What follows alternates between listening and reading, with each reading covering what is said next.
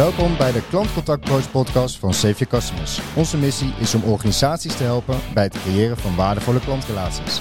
We doen dit mede door het delen van kennis en ervaring en gaan in gesprek met echte klantcontactpro's. Luister je mee?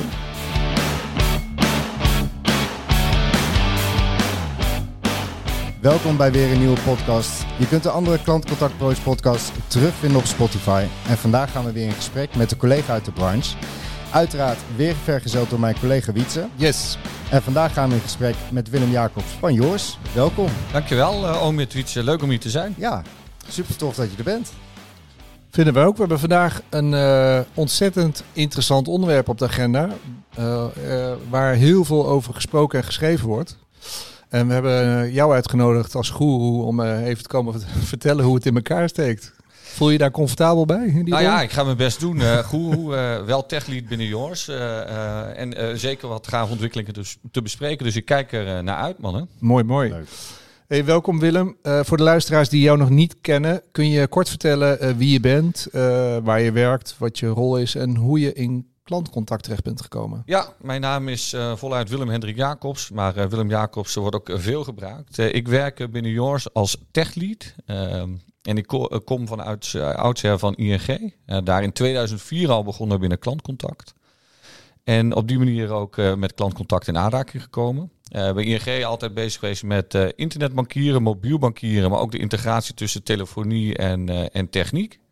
En zo ook in deze rol beland bij, uh, bij Jors. maar wel bijna twintig jaar later, mannen. Twintig jaar in, actief in het klantcontact. En in tech. En in tech. Ja, gaaf. ja. Is er veel veranderd? Nou, dat zou een eufemisme zijn om te zeggen dat er weinig veranderd is. er is erg veel veranderd. ik denk dat er een aantal hele belangrijke ontwikkelingen zijn geweest in de loop der tijd. Uh, om even een paar B te pakken. Ik denk dat we uh, de opkomst van uh, de app-economie hebben mee mogen maken met z'n allen. En ja. dat heeft klantcontact natuurlijk enorm veranderd. Daarna hebben we een enorme gave CX-wellen gezien, zoals ik die zie vanaf 2012, waarbij we enorme klantgericht hebben leren opereren. Ja, we zijn nu in een tijd waar die zaken op zo'n manier samenkomen dat we techniek echt effectief kunnen inzetten. En dat is wel tof om te kunnen zien zo na 20 jaar in het veld. Kan ik me voorstellen. Ja. Um, ja, we gaan het hebben over uh, al die ontwikkelingen en uh, wat je geleerd hebt in de loop van de jaren. Um, ja, laten we maar eens een aftrap doen. Techniek en klantcontact. Hoe ver zijn we nu eigenlijk? Nou ja, ik denk dat we uh, met z'n allen altijd denken dat we heel ver zijn. Maar dat we in retrospect dachten dat we veel verder waren. Ja. Uh, en ik denk dat dat nu ook wel eens het geval kan zijn. Mm -hmm. nog even terugnemen naar 2004. Hè, toen was er internetbankieren nieuw. En internetbankieren zou ertoe leiden dat niemand meer klantcontact zou hebben. Want dat zou techniek zijn die het klantcontact overbodig zou maken. Ja, dat is gelukt. Nou, dat is nagenoeg gelukt. Behalve het feit dat we nog steeds heel erg veel klantcontact hebben. Wel ander type klantcontact. En uh, daar zien we dus wel degelijk impact van techniek. Mm -hmm. uh, dat is één kant van de zaak, met name in de markt. De andere kant zien we op het vlak van klantcontact zelf. Hoe doen we klantcontact? Nieuwe kanalen, chat, et cetera. Natuurlijk vreselijk veel ontwikkelingen. en waarbij kanaalstrategieën als WhatsApp, maar ook chat, denk ik, hele belangrijke differentiators zijn voor voor bedrijven om je te onderscheiden in klantcontact. En daar zie je hele praktische toepassingen van techniek. Dus techniek heeft uh, per definitie geleid tot meer kanalen? Ja, geloof ik ook. Uh, betekent dat ook dat er dan toch meer contacten zijn?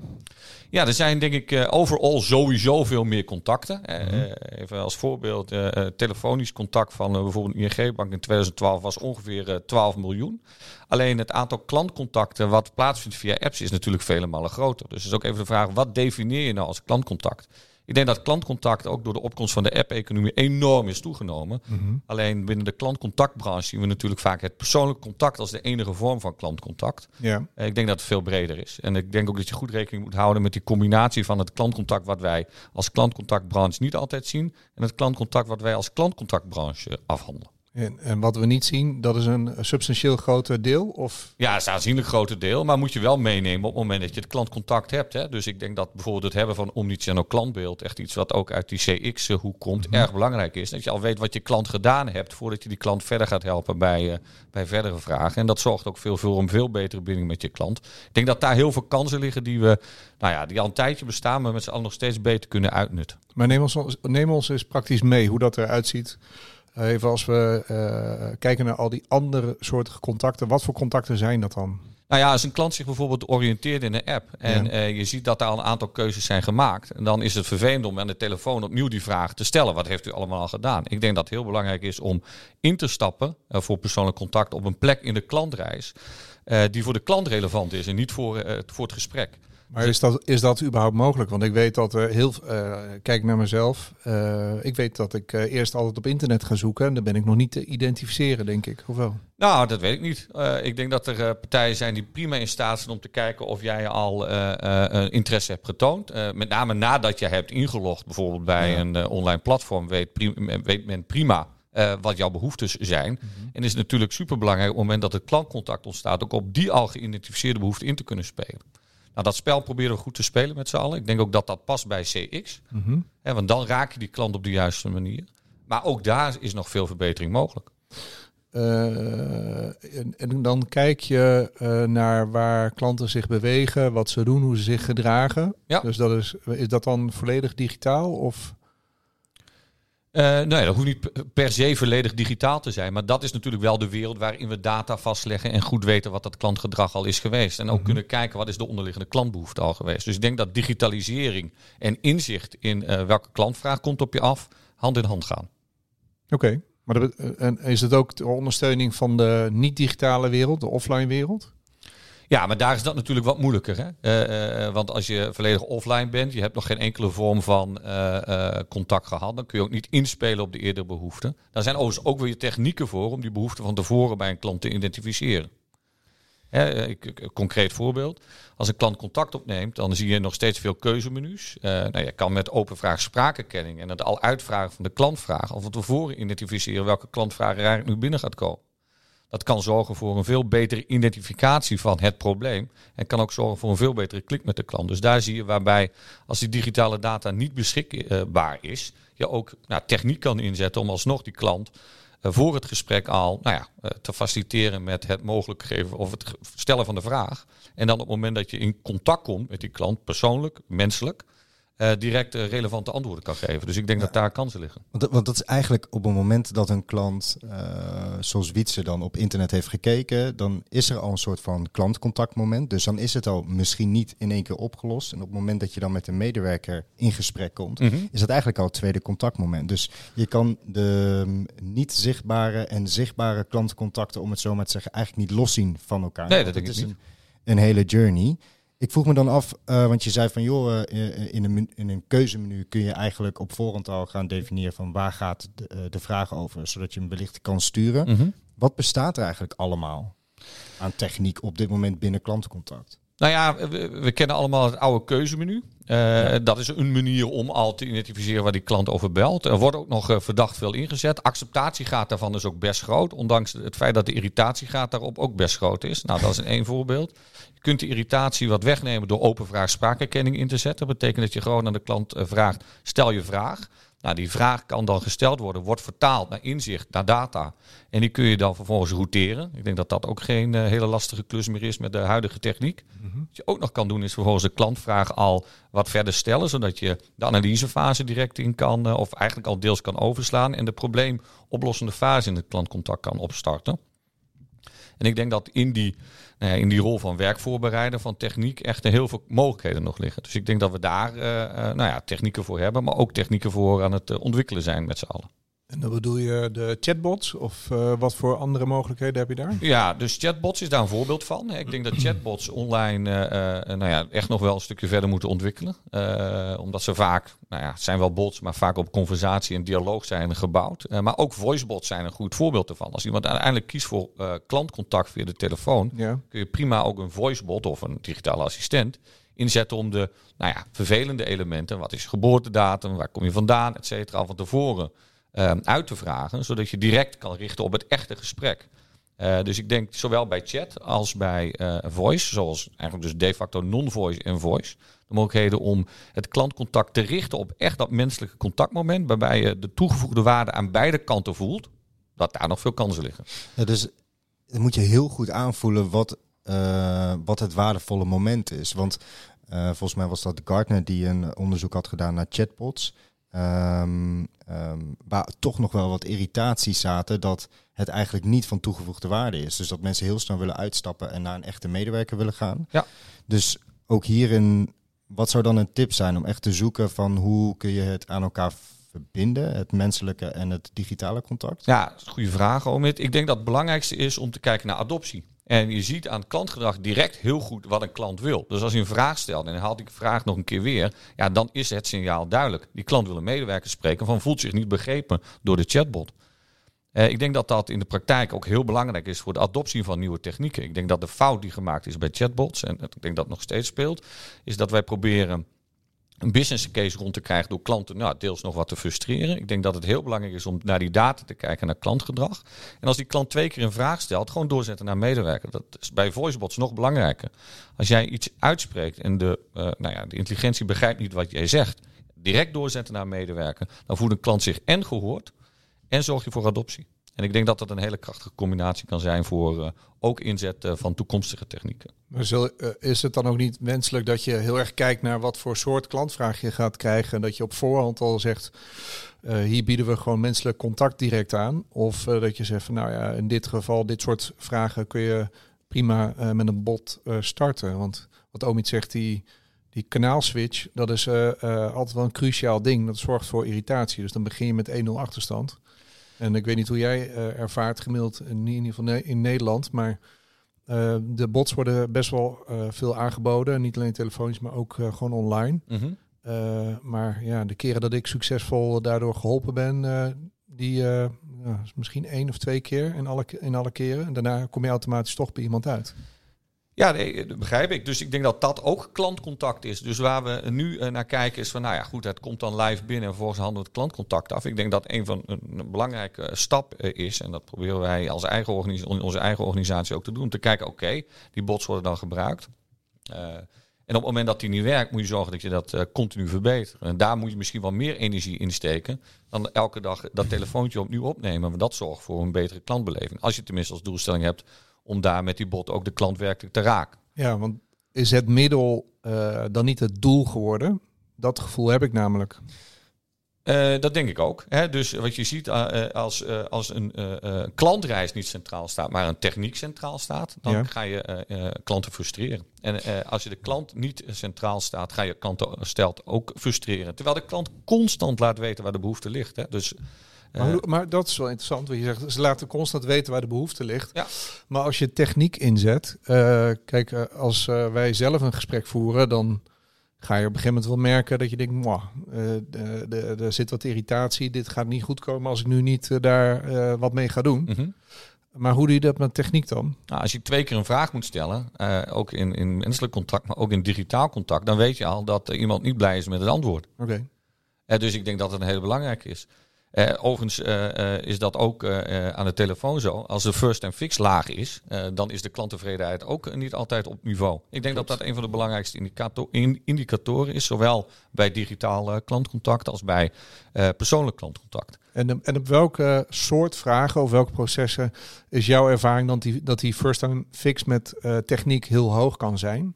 Uh, op eenvoudige vragen, relatief eenvoudige vragen, waarbij je de klant eigenlijk met convenience faciliteert. Wat is de status van mijn pakketje? Uh, waarom is dit nog niet gebeurd? Uh, wat zijn de openingstijden van dit of dat? overigens kan dat ook wel wat verder gaan, maar dan moet je wel relevant zijn voor de klant. Dus als je een koppeling maakt, bijvoorbeeld met een backend systeem, en daar haal je informatie uit, bijvoorbeeld een track-and-trace informatiestuk of andere data die voor de klant transactioneel is, dan kun je de klant prima helpen met digitaal contact. Kijk, ik denk dat de belangrijkste vraag is: uh, word ik goed geholpen en is het antwoord correct? Ja. En als je dat kan uh, faciliteren met techniek, dan is de adoptie ook op niveau, want daarvoor neem ik contact op. Dus de, als de klantintentie wordt geïdentificeerd omdat de juiste manier wordt bevredigd, dan denk ik ook dat je uh, digitaal best wel ver kan gaan met het beantwoorden van, klant, van klantvragen. Alleen die toets moet je constant doen. Ja, zoals iets zegt. Eh, ik denk dat in het begin dat uh, de techniek uh, eigenlijk een soort van commercieel werd. En dan kijk je heel even voor naar de chatbots. Mm -hmm. Dat het echt als doel gebruikt werd, ook om kosten te besparen, volgens mij. En uh, zijn we nu in een fase beland waar we meer naar de volwassenheid gaan om het middel te gebruiken en de connectie te zoeken in de klantreis. Even mo mooi hoe je dat zei. Het moet niet vanuit de techniek, maar vanuit de klantreis ja. bekeken worden. Um, denk ook dat het heel goed samen kan gaan, maar daar komen we straks nog, uh, nog wel even op. Heb je wat successen waarvan je zegt van joh, dat is misschien wel een mooi voorbeeld uh, op het gebied van techniek? Ja, zeker. Uh, ik denk dat uh, met name het zorgen dat je medewerker direct de juiste informatie voor zich heeft en zorgen dat hij direct het juiste antwoord geeft, dat dat hele belangrijke successen zijn in techniek. Om twee redenen. A, omdat die klant dan direct het juiste antwoord krijgt, maar ook omdat als ik weet dat ik direct het juiste antwoord kan geven, zelfverzekerd aan de telefoon zit. En dat voelt die klant ook, maar dat voelt die medewerker in het bijzonder. En binnen Yours geloven wij erin dat uh, als de medewerker tevreden is, dat de klant ook tevreden is. En ik denk dat een goede kennisbank die meeloopt met het gesprek, op zich niet hele complexe techniek, maar wel heel belangrijk is, dat dat een heel uh, goed voorbeeld is van succesvolle inzet van techniek. Dus het gaat niet over het contact, maar het feit dat je gewoon een goed klantbeeld hebt en dat je informatie klopt. Ja, en dat die ook op het juiste moment aan wordt geboden tijdens het gesprek, zodat je je handen vrij hebt. En ik denk dat dat heel belangrijk is, ook straks weer. Dat je je handen vrij hebt om volledig te richten op de klant. En niet uh, hoeft te richten op het systeem om het juiste antwoord samen met de klant in elkaar te puzzelen. Want dat gebeurt natuurlijk nog best veel. Ja, dan, uh, dat zijn de bekende pauzes dat het opeens heel stil wordt. ja. ja. En dat je roept, hallo. Ja. ja. Hallo. Ja. Is er iemand? ja, precies. Dat idee. Oké. Oké. Okay. Um, zijn er dingen uh, van de afgelopen periode uh, waarvan je zegt, ik heb er wat van geleerd, uh, maar we, we, moeten er nog veel meer van leren? Dus misschien dingen die je hebt ingezet, onderzocht, of je denkt, maar ja, wij zijn ook echt wel bezig met het uh, volledig digitaliseren van gesprekken. En dan zie je dat als je bijvoorbeeld uh, te hardnekkig een klant ergens naartoe pro probeert te sturen. En je ja. merkt dat uh, je geen pay-off neerzet voor de klant. Bijvoorbeeld niet vertelt dat als je geholpen wordt door een oplossing B of A, dat je sneller wordt geholpen. Of dat de oplossing in alle gevallen correct is. Dat je dan weerstand ziet en dat je dan in, nou, dat klanten afhaken. En dat betekent dat, uh, uh, dat klanten ophangen of niet tevreden zijn. Ik denk dat daar echt heel veel te doen is. Ik denk dat je als je techniek aanbiedt, de klant constant moet meenemen in van oké, okay, we doen dit daar en daarom. Dit levert u dat en dat op en we garanderen u het juiste antwoord. En dat moet je in een goede conversatie met de klant delen. Maar dan moet, dan moet het ook wel echt zo zijn. Ja, moet het echt zo zijn. En dat betekent ook dat je constant moet kijken naar A, heb je die klantvraag goed geïdentificeerd? En B, heb je die klantvraag ook goed begrepen? En dan C, is het antwoord ook op de juiste manier gegeven? En D, is de klant er ook tevreden over? En ik denk als je die flow doorloopt en dat constant bekijkt, in de vorm van nou ja, data-analyse, dat je best wel heel tevreden klanten kan krijgen. En dat zien we ook terug. Maar dat is wel waar we constant mee bezig zijn. Dus niet alleen mensen moeten het gesprek leren voeren, ook techniek moet het gesprek leren voeren. En ik denk dat we daar nog aan het begin zijn van wat we kunnen. Maar hoe ver kun je daarin gaan dan? Ja, dat is een beetje een existentiële vraag, denk ik. Uh, ik denk dat we daar uh, heel ver in kunnen gaan. Praktisch gezien uh, is het gewoon belangrijk om goed te kijken naar waar heeft die klant op dat moment behoefte aan en hoe geef ik die vraag. Overigens, hoe geef ik dat antwoord, excuus. Ja. Um, ik denk dat dat heel belangrijk is. En hoe ver kun je daarin gaan? Ja, ik denk dat het belangrijk kan zijn om te identificeren, ook op basis van wat je wil als organisatie. Welke klantvragen voegen nou waarde toe voor mijn organisatie? Ja. Die zou ik echt af, afhandelen met uh, ondernemend en persoonlijk klantcontact. En op het moment dat je denkt van ja, deze klant heeft eigenlijk een vraag die ik het beste kan oplossen door direct te verwijzen naar een hele goede landingspagina of een heel goed uh, stuk waar het inzicht wordt aangereikt of direct naar een locatie in de app. En dan kun je dat ook doen. Maar je moet dus inderdaad constant bewust nadenken waar wil je dat doen. En dat is meer CX dan techniek. En ik denk dat daar een heel belangrijke taak ligt. Dus je moet uh, continu meten en zeker weten wat wel bevalt, wat niet bevalt. Dus je, maar dat lijkt me een complex iets, want je kunt natuurlijk wel de analyse doen op uh, waar klanten uitvallen of uh, waarvan je denkt, ja, heb je daar, wat, hoe pak je dat überhaupt uh, aan? Want ga je dan met klanten praten om hen te vragen naar ervaring of haal je dat ja. uit data? Hoe werkt dat? Allebei. Uh, en uh, ik denk dat de, de, laatste is gewoon het meten van klanttevredenheid. Bijvoorbeeld door uh, klanttevredenheid naar een digitale conversatie aan te bieden. Ja. ja, ik denk dat dat drie belangrijke punten zijn. Dus klanten nabellen en vragen hoe ze het vonden. Dat is ja. één. maar de data is natuurlijk heel erg belangrijk. Wij zien als wij in open vraag spraakkenning meeluisteren of meeluisteren, de klantvraag uitvragen, zien wij prima wat de klant inspreekt. En wij zien ook de relatie tussen wat de klant inspreekt en welke herkenning wij daarvan hebben. Wij weten ook hoeveel procent wij van de klantvraag herkennen op de manier waarop de klant dat heeft um, bedoeld. Is dat openbare informatie of niet? Ja, op zich is dat openbare informatie. Vertel. Nou, in principe, als je dat op een goede manier organiseert, dan zou je in staat moeten zijn als een klant een uitspraak uh, doet over ik wil een betaalregeling treffen. Ik noem even een concreet voorbeeld. Ja. Dan moet je met huidige taalmodellen in staat zijn om 94% van de keer dat die klant dat uitspreekt. En dan even uitspreekt op de manier waarop we hier aan tafel zitten, Mhm. dat te herkennen. Als daar wat dialect en zo bij komen, moet je dat tweaken en fine-tunen. Dan, eh, dat raakt het percentage wel, maar dat, dat is wel eh, eh, van belang. Dat is best hoog. Ja, dat is zeker hoog. en ik denk ook dat dat, eh, eh, eh, ehm, eh, nou ja, En, maar, en dan heb je het puur over routeren. ja, nou, daar heb ik het overigens wel niet over. Ik spreek als klant een hele set woorden uit en ik kijk wat er wordt herkend. Nee, Ja. ik definieer van tevoren een herkenpunt, hè, dus Ja. een be- een betaalregeling. En welke woorden worden er ingesproken? En na een maand, hoe vaak herken ik dat correct? Dat is dan het punt. Als je echt wil herkennen, je gaat alle transcripties maken van wat er wordt gezegd, et cetera. Daar is overigens eh, GPT wel vrij aardig in. En andere eh speech-analyse oplossingen kunnen dat ook. Eh, maar dan kom je veel lager uit. Maar als je weet wat je gaat vragen en je weet ook eh, welke kant je op wil, dan kun je daar inderdaad zo hoog uitkomen. Dus het is- echt ook zoeken naar, of eigenlijk tweaken naar welke vragen stel ik de klant om uiteindelijk de juiste, of het juiste antwoord te krijgen vanuit de klant, om daar een juiste oplossing aan te Ja. koppelen. En wat ook, ja, absoluut. En wat ook prima kan werken, is een combinatie nog van een keuzemenu en daarna een digitale assistent. En dan weet je al wat de intentie is van de klant. Eh, en dan vervolgens zet je de klant door naar een digitale assistent. Die zorg je ervoor dat die of de intake doet en de werkvoorbereiding. Hè, of ook al kijkt, kan ik die simpele vragen al beantwoorden? U kunt eh, inderdaad binnen 35 dagen een betaalregeling aanvragen. Heeft u verder nog vragen? Ja. Kan ik een medewerker spreken? Oké, door naar de Ja. medewerker? Nee. Nou, dan stuur ik even een sms met de link naar de verdere informatie. Dat kan prima. Eh, ehm, ehm, en dan kun je heel gericht zijn, ook vanuit het keuzemenu. Als je alles probeert te vertalen en je probeert mm, werkelijk wat alles gezegd wordt in de, in de Nederlandse taal te vertalen, of alles in gesprek, kom je natuurlijk op een significant lager percentage.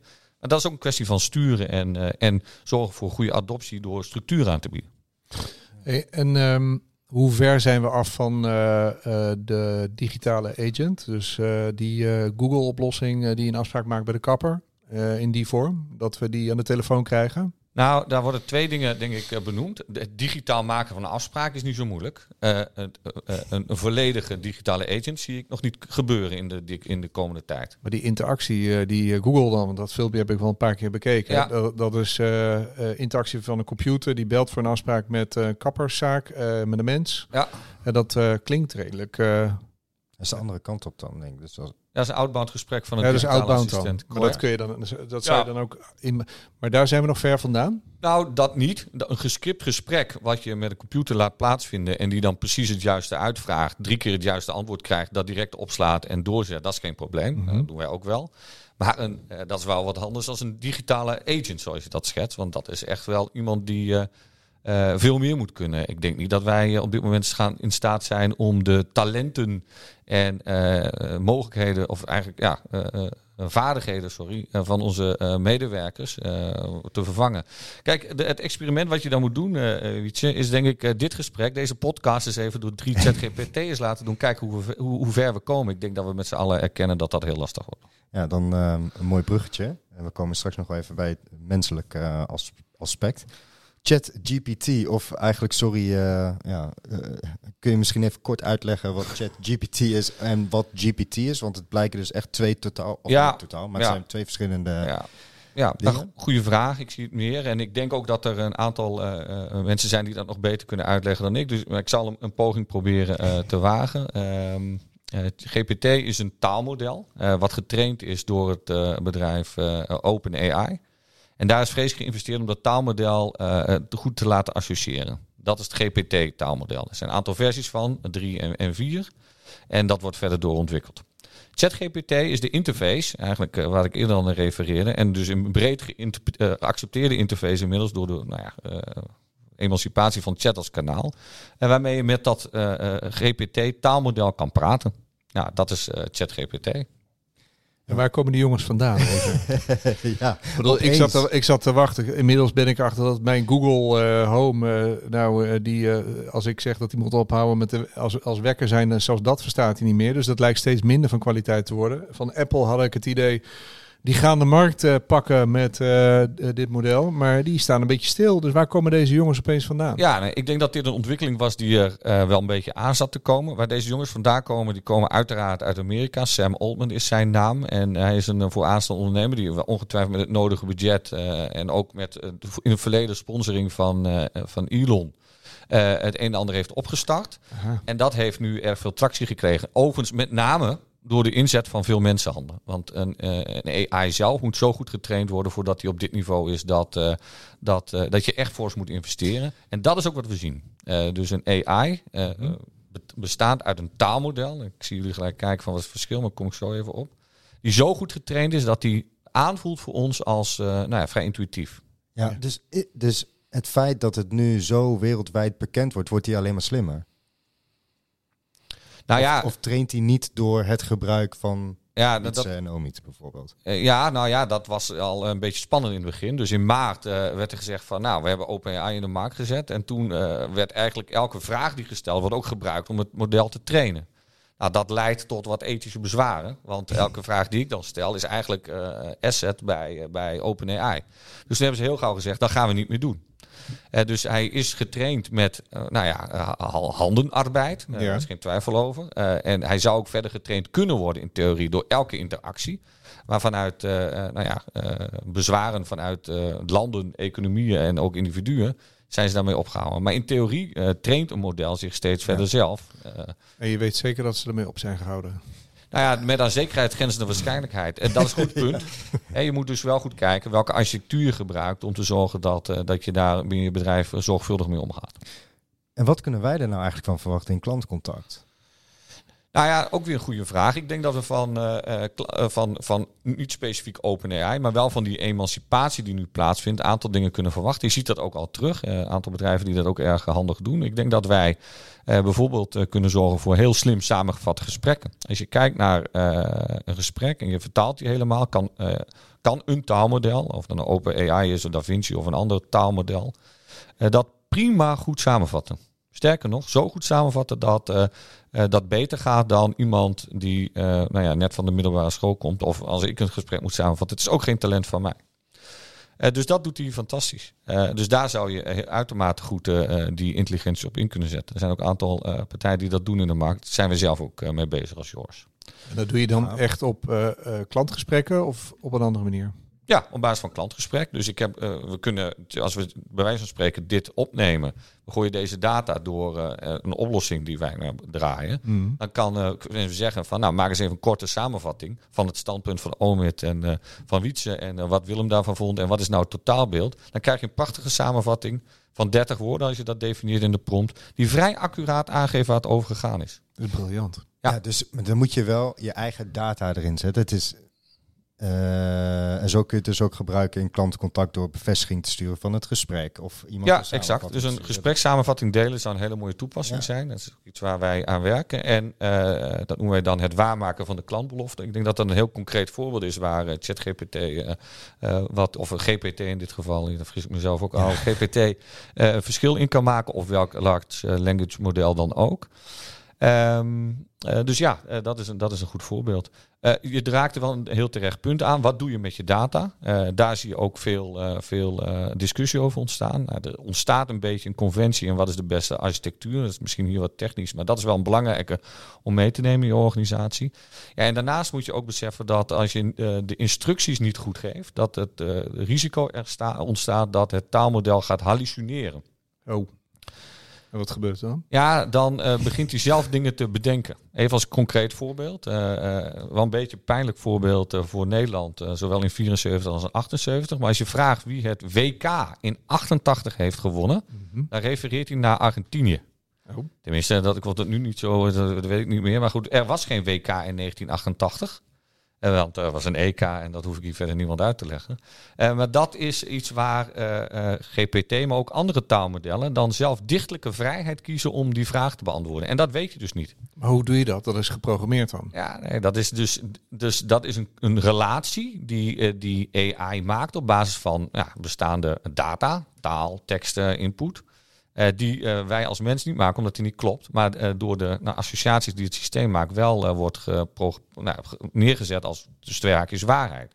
Nou, daar zie je dus ook al direct dat je als mens, medewerker, ook als student of scholier, die het in sommige gevallen klakkeloos ja. overtypen, goed moet nadenken of de antwoorden die jij krijgt van de, in dit geval ChatGPT wel in, ja, logisch is en rijmt met de waarheid. Maar dat is best, ja, hoe zou ik dat zeggen? Dat is of heel gevaarlijk, of dat zou ook maar eens kunnen betekenen dat op het moment dat zich dit heel veel herhaalt, dat mensen denken, laat maar hangen. Ja, nou ja, dus ik denk dat je heel goed nou ja, moet kijken wat, wat, waarvoor gebruik ik het nou wel en waarvoor gebruik ik het nou niet. Kijk, het samenvatten van een tekst dat is een vraag die is redelijk gesloten. Maar als je gaat vragen, goh, dit is mijn huiswerkopdracht. En ik heb geen zin om uh, het verhaal over de hond morgen op te hangen. Dus ik gooi dat eens even in ChatGPT.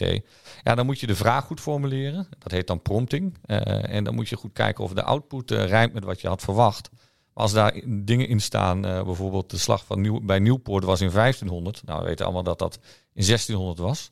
ja, dan ga je nat. Ja, nee, dat klopt. Ja. Dan ga je nat. Ja.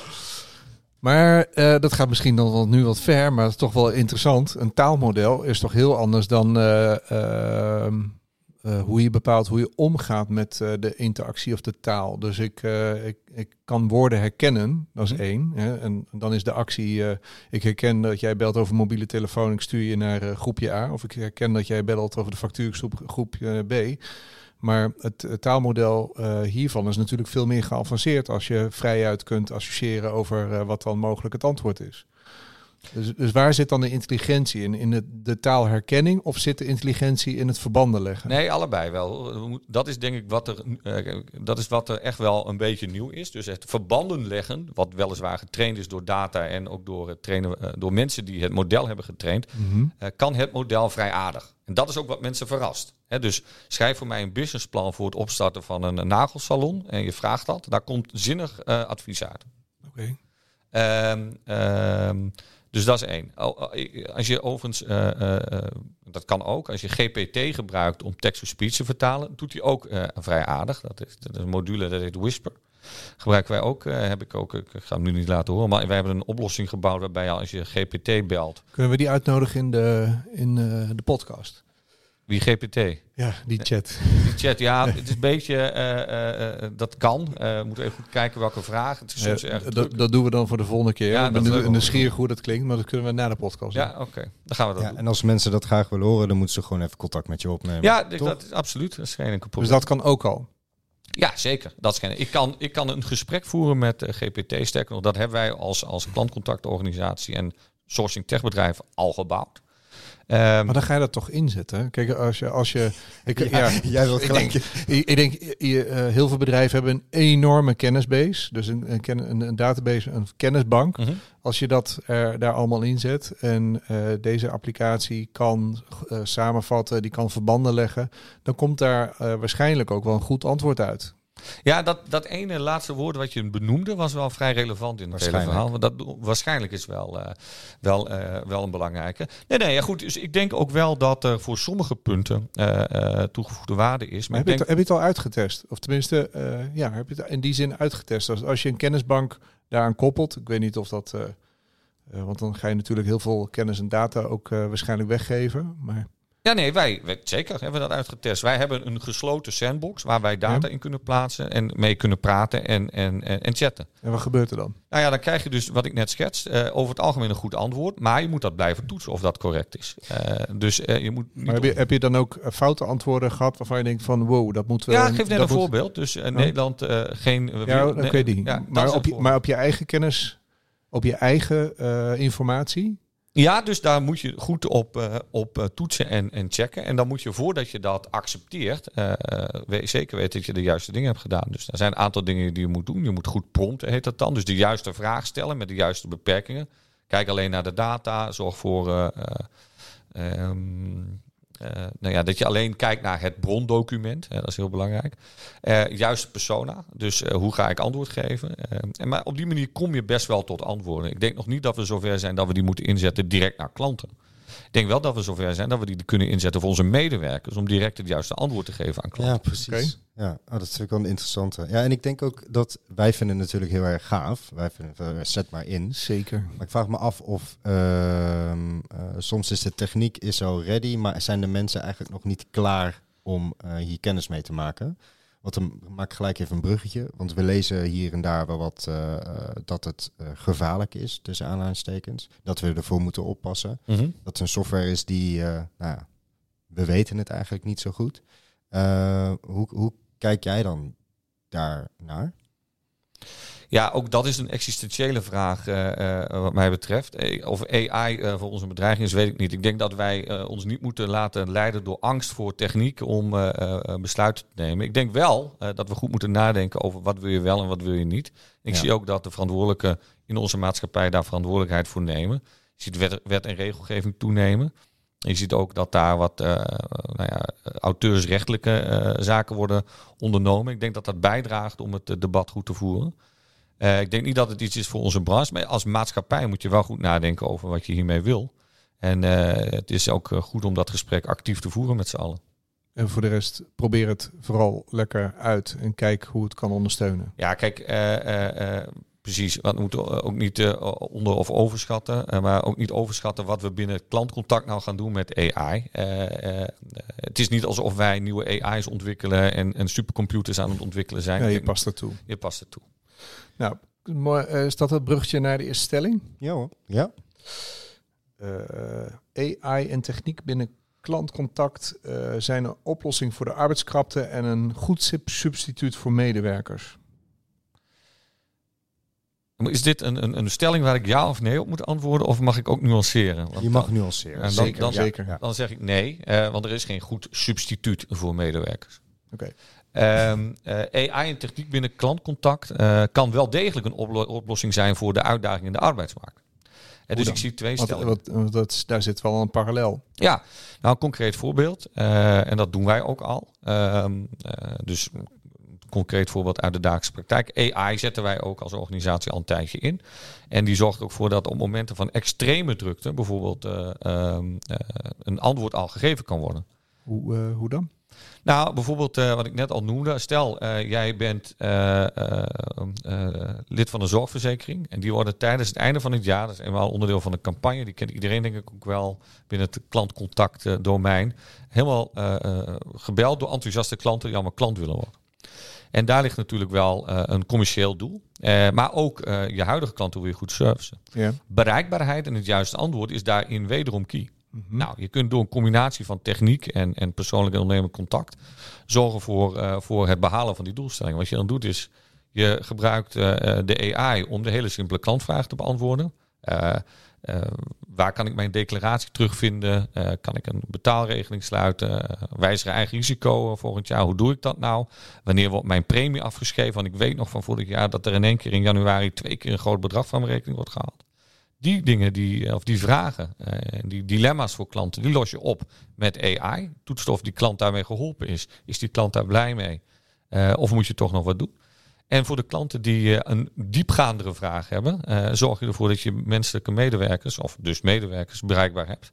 en beschikbaar hebt, zodat je ook die klantvraag kan beantwoorden. En zo zie je dat je het capaciteitsvraagstuk prima kan oplossen met een combinatie van AI-techniek en de eh, nou, ja, eh, medewerker. En dat doe je dan vooral online? Of is dat ook op het moment dat ik bel? Nee, dat is een goede vraag ook. Dat leg ik inderdaad onvoldoende uit. Eh, dat kun je gewoon prima doen eh, op het moment dat je belt. Hè. Maar ook eh, op, op, op, op chatbots. maar ja, daar is het al logisch. Kijk, bij de Mhm. meeste eh, organisaties zie je dat voordat je überhaupt een medewerker aan de lijn krijgt, een x aantal hoepels eh, door moet. Ehm, en dat is ook logisch, eh, want als iedereen elke vraag eh nou ja, ongefilterd stelt, met name, dan, dan kan dat echt wel tot uitdagingen rond bereikbaarheid leiden. Helemaal bij de huidige krapte.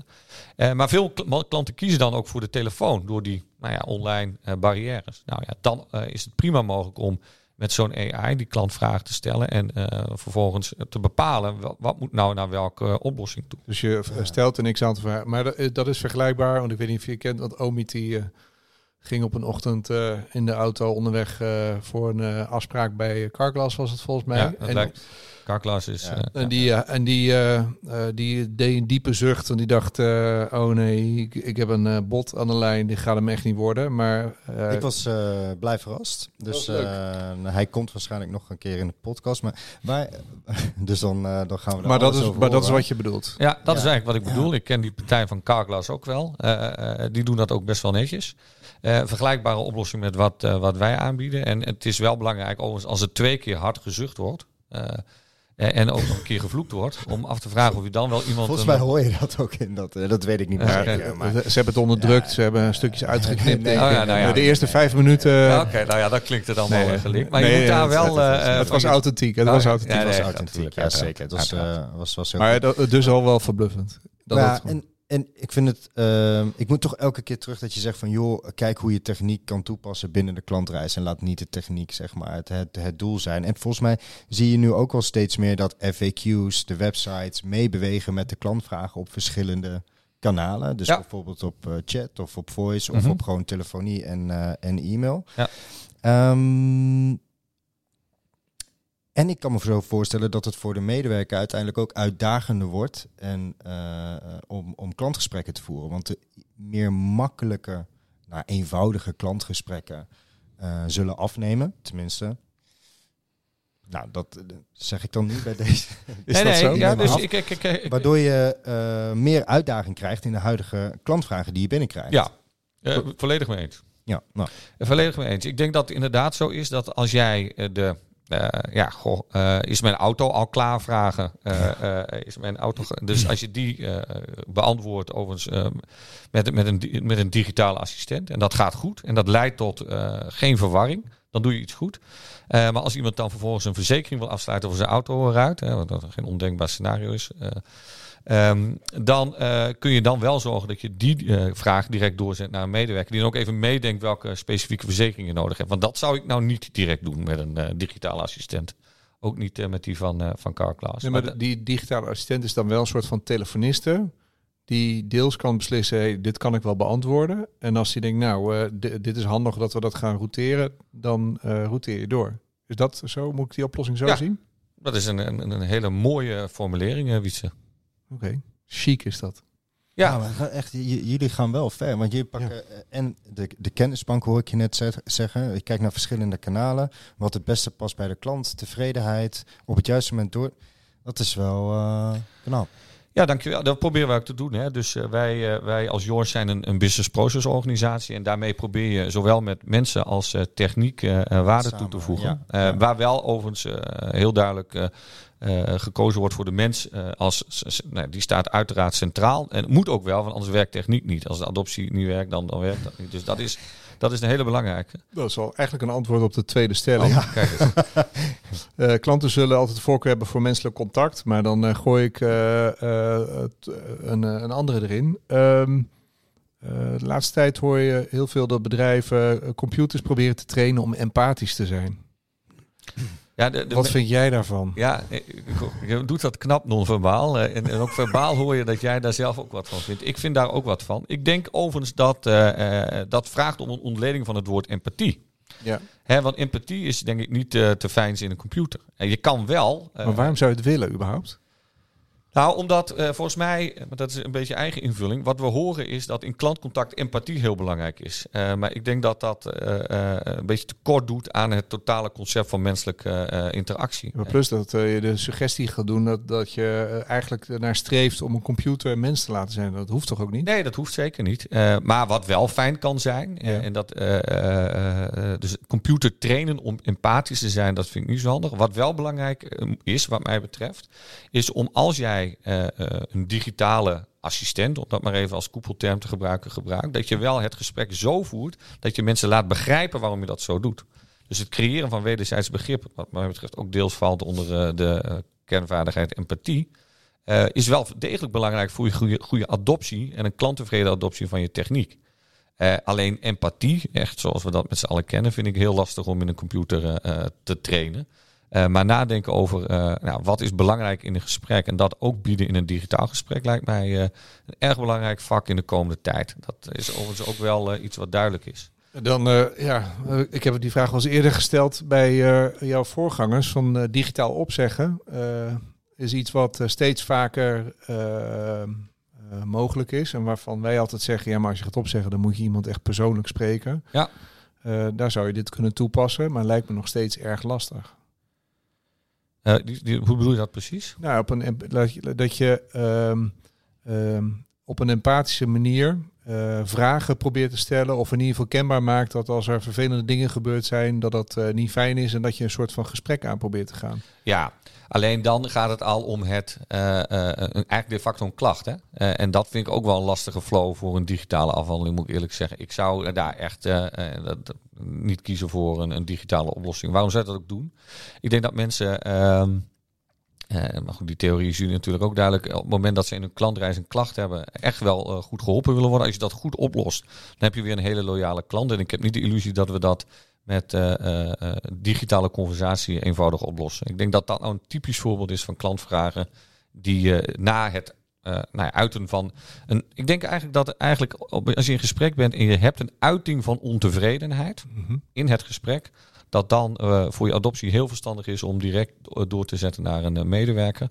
En als je vaak een uiting van ontevredenheid hebt, hebt op een specifieke digitale conversatie, om die digitale conversatie direct te laten uitkomen bij een uh, medewerker.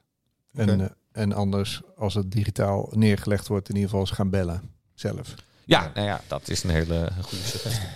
Oké. Okay. Super interessant vind ik dit. dus, uh, en de tijd vliegt alweer oh, ja, voorbij, zie ik. We gaan, uh, maar um, even naar het laatste onderwerp. Ja. Uh, is dat goed? Ja? ja? Leuk. Ja, zeker. Welke game changers gaan er nog komen de komende jaren? Waarvan je zegt van, mensen, Be prepared. Uh... Ja, nou ja, uh, uh, be prepared. Ik, ik, GPT, ja. Maar goed. Ja, dat krijgt. Maar ik denk, nee, dus game change. Ik denk dat we steeds beter techniek accuraat kunnen inzetten om echt te ondersteunen daar waar het nodig is. Hè, dus medewerkers kunnen ondersteunen, maar ook de klantreis kunnen ondersteunen. En we hebben de belofte van, van het metaverse natuurlijk. Hè. Google heet niet voor niks ja. Meta. Ja, daar uh, zijn nog steeds grote verwachtingen van. Ik zie wel dat er een stevige, uh, nou ja, uh, dat ze door een valleitje heen gaan qua verwachtingen. Maar goed, je ziet toch wel dat die manier van denken bij de komende generatie steeds verder wordt geadopteerd. En voor degenen die dat niet herkennen, als waar het over gaat, wat is de, de belofte? Ja, dus de belofte uh, is, het is een beetje lastig, denk ik. Die ken ik ook niet uh, van de metaverse, maar uh, van Meta ook niet. Maar metaverse is het idee dat wij ons straks ook als personen gaan begeven in een online omgeving. Hè, dus mensen van een bepaalde generatie die kennen het Second Life om, of Sim, Sims, Sims 3, Sims, ja. daar wel een beetje van. Uh, anderen die hebben wat, wat spelletjes die daar al best wel vroeg al mee waren. World of Warcraft is daar een voorbeeld van. Maar dat is een, een omgeving waarin je dus persoonlijke interacties doet, in, volledig in de online omgeving. Ik denk dat dat wel iets is wat nog kan gaan groeien. Alleen ja, momenteel wat minder groeit, ook misschien wel door COVID en het feit dat we al vreselijk veel online hebben gedaan. Ja. maar dat is een ontwikkeling die we nog steeds wel, wel zien en ik ook op de voet volg. Ja, en verdere, nou ja, wat ik eerder al, het, het, het, samen laten werken van de nieuwe technieken. Hè. Dus de, uh, het inzicht in de klant, GPT die de klantbelofte goed vastlegt, de medewerker die zich volledig concentreert op die gave klantbeleving. Dat gaat echt wel leiden tot hele toffe dingen voor onze branche in de komende ja, tien jaar. Ja, ik, ik, vind dat, ja, ik, ik vind het dan toch wel ook weer mooi dat we eigenlijk jaren geleden zijn gestart met bepaalde technieken. Mm -hmm. bijvoorbeeld de chatbot is denk ik daar het beste voorbeeld van wat we geïmplementeerd hebben en waar we nu van geleerd hebben van joh, als we het implementeren, ja, dan moeten we misschien niet te hard gaan en even gaan oefenen en kijken hoe de markt erop reageert. Ja. En als het niet werkt, alsnog bij een medewerker uh, uit laten komen. Mhm. Dat we dus nu eigenlijk, um, of dat we eigenlijk straks de klant kunnen verrassen met hoe goed wij nu met techniek om kunnen gaan in klantcontact gedurende de hele klantreis. En ik denk dat dat een, uh, dat een hele mooie is. En ik weet niet hoe jij daarnaar kijkt, maar daar ben ik dan toch even benieuwd naar.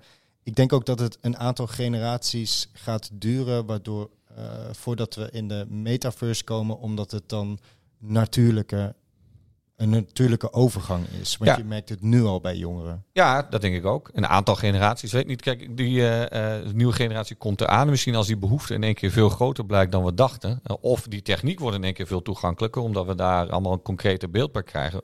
lees als voorbeeld de launch van uh, ChatGPT, inderdaad, in, in maart van dit jaar. en dan kan het in één keer heel hard gaan. En als je kijkt hoe uh, belangrijke impact dat gaat hebben, ja, ik, ik verwacht van ChatGPT, uh, of in ieder geval GPT-achtige oplossingen, gauw een toename van productiviteit, breed in de samenleving, niet zozeer alleen in klantcontact, maar in de dienstensector van nou ja, misschien wel 20 procent. Ja, dat gaat ook echt wel, dat gaan we echt wel merken. En dat is echt wel onderdeel van de, nou ja, de digitale revolutie van, van 2023 en, en de komende jaren. Oké. Maar er is nog één ding wat me dan wel bezighoudt als het gaat over techniek. Want we hebben veel techniek uh, in het contact. Um, maar wij praten ook uh, best veel over klantrelaties. Wat me opvalt bij de grote bedrijven, die uh, werken in de traditionele silo's. Maar die verzamelen ook informatie in de traditionele silo's. Dus je ziet dat klantinformatie, dus snappen wie de klant is of wat de klant is, dat dat best wel gefragmenteerd binnen het bedrijf aanwezig is. Uh, en dat een, een goed klantbeeld van wie de klant echt is, dat het heel lastig is. Want er zijn best wel veel uh, verzekeraars bijvoorbeeld, die meerdere polissen hebben van één en dezelfde klant en dat zelf niet eens in de gaten hebben. Uh, dus ik zie ook wel, denk ja, als we dan zoveel techniek hebben, wat kunnen we dan doen om dat klantbeeld zo goed te hebben dat we heel goed snappen waarom klanten überhaupt klant zijn, uh, wat hun behoefte is voor de toekomst en dat we ook veel meer op relatieniveau kijken in plaats van sec alleen dat ene contact. hoe kijk jij daar tegenaan? Ja, het is wel een beetje buiten mijn, mijn comfortzone. Ik denk dat er mensen zijn die daar aanzienlijk meer een verstand van hebben dan ik. Hè. Ik focus me echt op het klantcontactdomein, wat ook een bepaalde silo dan, als je het zo wil noemen, in een organisatie is. Aan de andere kant denk ik wel dat als jij een stevige customer intelligence organisatie hebt, die in staat is om een goede datastream neer te zetten door je hele organisatie heen. Iets wat je denk ik mag verwachten van een uh, grote bankverzekeraar. En ik ook een aantal voorbeelden van ken die dat echt wel heel stevig doen. Ja, dan kun je daar ook makkelijk op aanprikken. Ook met je klantcontactdomein. En dan zorg je ervoor dat je uh, al die data en relevante data gewoon gebruikt in dat klantcontact. Ja, wat is het niet zo dat, kijk, het contact, uh, of je dat uh, met mensen hebt, dan kun je je medewerkers uitvragen, je hebt een goede registratie. Mm -hmm. Maar met de techniek zou je ook kunnen zeggen, uh, alle contacten die we hebben, die worden in wat voor manier dan ook uh, vastgelegd. En die kunnen we makkelijk analyseren. Dus daarin halen we heel veel informatie naar boven. Ja, ben ik met je eens. En ik denk ook dat het registreren handmatig van, uh, van, van categorieën, dat dat wel een beetje op zijn eind loopt. Ik denk dat we daar. ja, dat is ook. Maar dat is nou een typisch voorbeeld van, van nou verspild talent. Ja. Uh, je definieert vaak acht categorieën, want negen is al een beetje spannender. En dat categorie overige moet je dan niet tussen hebben zitten, want dan zit alles in de bak overige. Dus dat zijn al conventies, kennen we al nou ja, uh, sinds uh, de opkomst van callcenters in, nou ja, zeg het maar, begin jaren negentig. Ja. Ehm, ik denk dat we met oplossingen als deze dat moeten automatiseren en dat daar ook kansen liggen. Die gesprekssamenvatting die ik net schets, en die kan ook prima identificeren wat de klantintensen zijn. En dan weet je ook werkelijk waar de klant over gebeld heeft. Een mooi voorbeeld uh, van data die heel goed bruikbaar is ook in de rest van je organisatie. Ja, exact. En die je ook zou moeten uh, zetten op het bootje uh, van de datastream, zodat andere organisatieonderdelen dat kunnen ja. meenemen. Ik denk dat daar een hele voorname. Dus dat betekent het einde van alle voice analytics software of tools? Of? Nou ja, of in ieder geval een andere toepassing daarvan. Oké. Okay. ja. Ja, inderdaad. Het registreren moet minder en het regisseren, daar zullen bedrijven de, bij, bij geholpen moeten worden. Nou, weet dat is wat wij on, onderhand ook doen. Hè. Wij koppelen die silo's aan elkaar. Um, en wat kunnen we nog verwachten van jou de komende tijd en van Joors? Nou ja, van Joors kan je verwachten dat wij doorgaan met het doorontwikkelen van met name oplossingen die helpen om succesvol te zijn in klantcontact. En die onze medewerkers succesvol maken in het voeren van het gesprek. En daarmee onze opdrachtgevers succesvol maken in, in klantcontact. En dat gaan wij doen door onze portfolio verder door te ontwikkelen met stevige inzet op A, uh, de ontwikkeling van uh, onze kennisbank met gebruik van GPT, of welk model ook, om te zorgen dat je altijd het juiste antwoord geeft. En B, het zorgen dat wij medewerkers niet te lang meer vermoeien met het moeten registreren van zaken. En of in sommige gevallen ook het doen van intakes, waarbij je 60 keer per dag moet vragen of iemands geboortedatum werkelijk klopt. Eh, ik denk dat dat eh, dingen zijn waar wij eh, ons als organisatie willen of op, nou ja, op inzetten. Ja. Om het talent van onze medewerkers zo goed mogelijk in te zetten voor onze opdrachtgevers. Dus jij dacht dat je met 20 jaar dat je al heel wat gezien en geleerd had, maar eigenlijk staan we nog aan het begin. Ja, een, mooie samenvatting. En het is ook leuk, hè? Want gaaf om met deze nieuwe technieken je weer zo jong te mogen voelen, Wietse. Nou, dat lukt goed. Tot slot eh, hebben we altijd nog even een eh, vraag. Ehm, en ik ga er even een woordje tussen zetten bij jou. Wat is je beste digitale klantervaring ooit geweest? Nou, ik denk dat, eh, eh, eh, een compliment naar mijn voormalige werkgever, de manier waarop internetbankieren bij nou ja, een aantal organisaties, maar in het bijzonder ING, Ja. het werk, dat dat vrij fijne beleving is. En de meest, f- ja, ik denk dat dat een, een goed voorbeeld van een digitale beleving, die sec digitaal is. Eh, Ik denk dat eh, wij zelf, maar ook een voorbeeld wat eerder genoemd wordt, ook een aantal andere partijen in, in de markt goed in staat zijn om een combinatie te maken van, van persoonlijk contact, maar ook een digitale intake, die ook echt heel prettig is om te beleven. En daar hebben we ook een aantal voorbeelden voor, die zal ik hier niet noemen, maar dat zijn ook echt hele gave klantbelevingen waarbij persoonlijk en contact hand in hand gaan met de techniek. En daar zijn we ook heel trots op. Gaaf. Mooi. Dan ehm, ga ik die mensen die nu denken van... Ah, ik vind het toch heel jammer dat hij daar nu niet over gaat hebben. Excuus, we zitten op 55 minuten. Dus eh, we zouden denk ik nog wel een uur eh, langer kunnen lullen, om het zo maar te zeggen. Maar mensen kunnen jou vinden op LinkedIn. Willem Hendrik Jacobs met de K van Karel. Ja, Met een K. Ja, correct. En uh, willem.jacobs.yours.cc mochten er uh, hele specifieke vragen zijn. En uh, ik zou jouw naam nog in de beschrijving zetten van de podcast. Dan um, komen we ondertussen bij het uh, einde. Ik vond het uh, ontzettend leuk.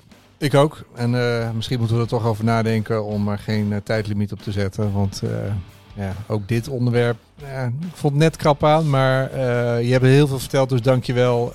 En zeker een uh, reden om uh, toch nog een keer over door te praten. Maar dank voor deze. Yes, zie. En uh, wellicht deel tot 1 de volgende. En uh, ja. tot deel 2. Check.